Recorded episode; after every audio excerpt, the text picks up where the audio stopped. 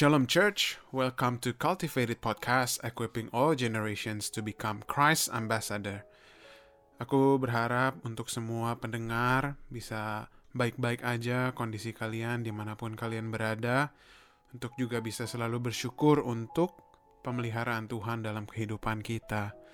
Oke, dalam episode renungan kali ini kita akan merenungkan tentang mujizat-mujizat yang telah dilakukan oleh Tuhan Yesus.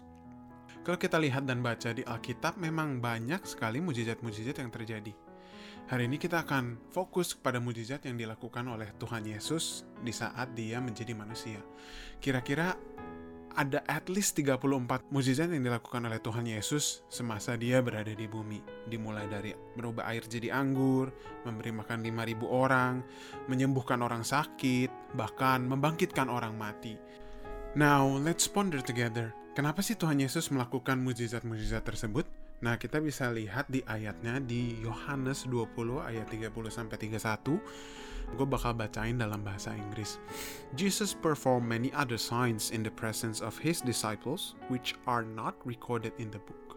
But these are written that you may believe that Jesus is the Messiah, the Son of God, and that by believing you may have life in his name. Tuhan Yesus itu melakukan mujizat untuk membuat orang melihat kepadanya dan percaya bahwa Yesus adalah anak Allah dan daripadanya kamu bisa memperoleh kehidupan kekal. Jadi kalau kita lihat secara konteks di zaman itu, Tuhan Yesus melakukan mujizat supaya orang-orang yang dia layani bisa melihat dan percaya bahwa dialah anak Allah. Tapi meskipun demikian, banyak orang juga di zaman itu yang tidak mempercayai Yesus. Mengapa demikian? Mari kita lihat ayatnya di Yohanes 6 ayat 35 sampai 36. Then Jesus declared, I am the bread of life. Whoever comes to me will never go hungry, and whoever believes in me will never be thirsty.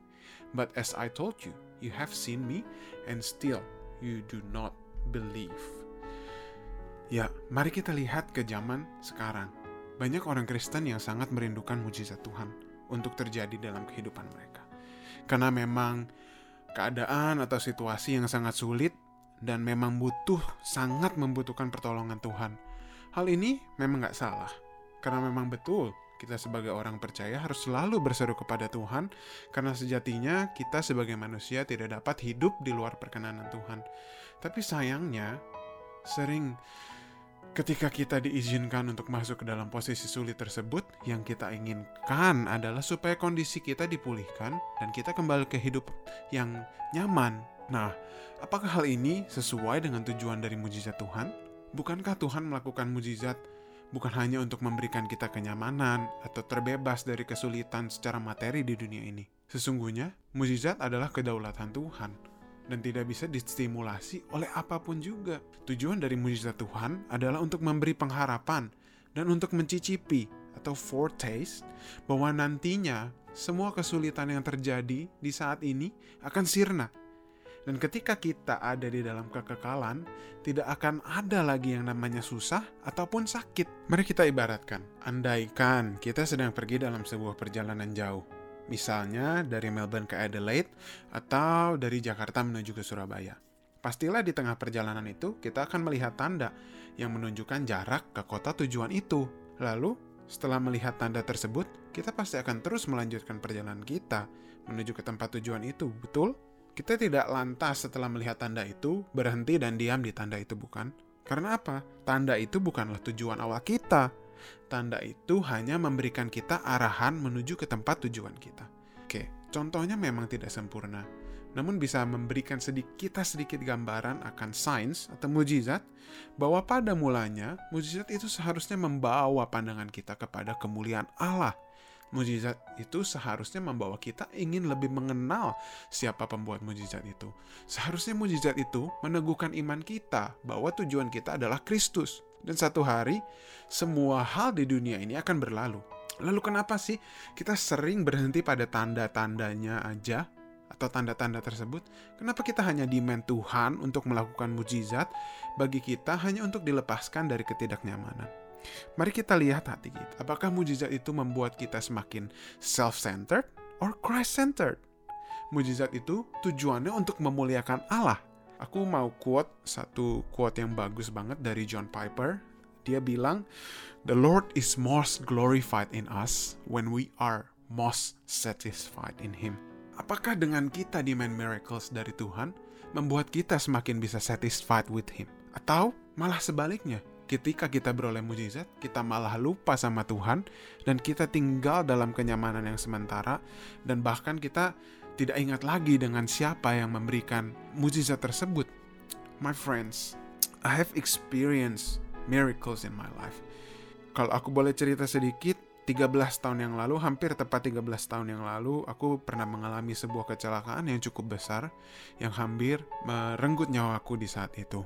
Of course, waktu itu aku mungkin juga masih kecil dan aku belum mengerti apa yang terjadi. Tapi pada intinya Tuhan memberikan aku sebuah mujizat yang akhirnya aku diluputkan dari maut. Tapi setelah aku menerima mujizat itu, mujizat itu tidak membuat aku menjadi lebih eager sama Tuhan di saat itu. Bahkan malah kehidupanku setelah aku mengalami mujizat itu sering kali membuat aku semakin self-centered, bahkan lebih cenderung tidak hidup dalam ketaatan. Mengapa demikian? Karena saya take miracles for granted. Dan saya hanya senang ketika mujizat itu terjadi untuk membuat kehidupan saya lebih baik lagi, bukan untuk memuliakan Tuhan. Jadi, saya mau encourage kita semua untuk mengubah pola pikir kita terhadap mujizat Tuhan. Mari kita lihat mujizat Tuhan itu dari firman Allah. Bahwa sesungguhnya, sesungguhnya kita hanya memerlukan satu mujizat dan itu sudah cukup. Satu mujizat aja. Ya, dan aku mau encourage atau bahkan convince kalian bahwa mujizat itu telah terjadi. Di mana? Di salib Kristus. Ketika Tuhan disalib dan mati, menggantikan dosa kita, dan bangkit di hari yang ketiga. Itu adalah mujizat yang terbesar yang bisa kita alami sebagai orang percaya. Mengapa demikian? Karena di saat itu juga kita yang harusnya menerima cawan murka Allah digantikan oleh pribadi Kristus.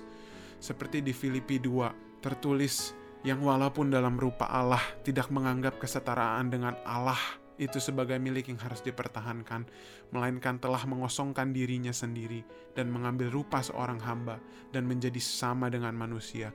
Dan dalam keadaan sebagai manusia, ia telah merendahkan dirinya dan taat sampai mati, bahkan mati di atas kayu salib. Sadar gak sih kita bahwa sebenarnya yang harusnya mati itu kita karena dosa-dosa kita, karena upah dosa ialah maut. Tapi Tuhan Yesuslah yang datang menggantikan kita. Dan oleh karena itu, kita didamaikan dengan Allah. Dan kita layak disebut sebagai anak-anak Allah. Dan juga kita bisa beroleh hidup yang kekal. My friends, I know that these times are hard. Especially dengan kondisi di tengah pandemi yang sedang melanda dan mungkin membuat keadaan kita atau bahkan banyak dari kita yang terdampak dan membuat keadaan kita tidak menentu. Bahkan sepertinya kehidupan kita sedang berada di titik terendah. Percayalah, meskipun mujizat itu tidak terjadi dan kehidupan kalian tidak dalam kondisi yang baik, percayalah bahwa suatu hari nanti ini semua akan lewat dan dunia ini pun akan sirna. Mari kita gantungkan harapan kita di dalam iman kita kepada Yesus Kristus. Mari kita lihat perkataan Paulus di Filipi 1 di mana dia berkata bahwa mati adalah keuntungan. Saudara, jangan paksa Tuhan untuk melakukan mujizat yang hanya akan membuat kalian semakin jauh dari Tuhan. No, kondisi sulit itu bukan kesempatan untuk kita mendapatkan mujizat. Bukan. Kondisi sulit itu seharusnya memberikan kita gambaran bahwa hidup ini tidak mampu fulfill our deepest desire or the cravings untuk bisa punya kedamaian, untuk bisa punya sukacita atau bahkan punya kasih atau bukan punya bahkan punya security hanya dalam Tuhan Yesus kita bisa menemukan semuanya itu. Mari kita fokuskan pandangan kita kepada Tuhan Yesus melalui firman-Nya. Kalau kita diizinkan untuk masuk ke dalam proses pemurnian, di mana mungkin kita harus mengalami kesulitan atau bahkan menderita sekalipun, ingatlah bahwa semuanya itu tidak akan sebanding dengan apa yang kita akan dapatkan di dalam kehidupan kekal bersama Tuhan Yesus nanti. Amin. Thank you for listening. I pray so the love and guidance of God will always be with you all. See you in the next episode. Terima kasih sudah mendengarkan podcast kami. Share podcast ini kalau menurut kalian memberkati. Cultivated Podcast tersedia di Spotify dan YouTube dan kalian bisa cek juga Instagram kita di cultivated.podcast. Terima kasih.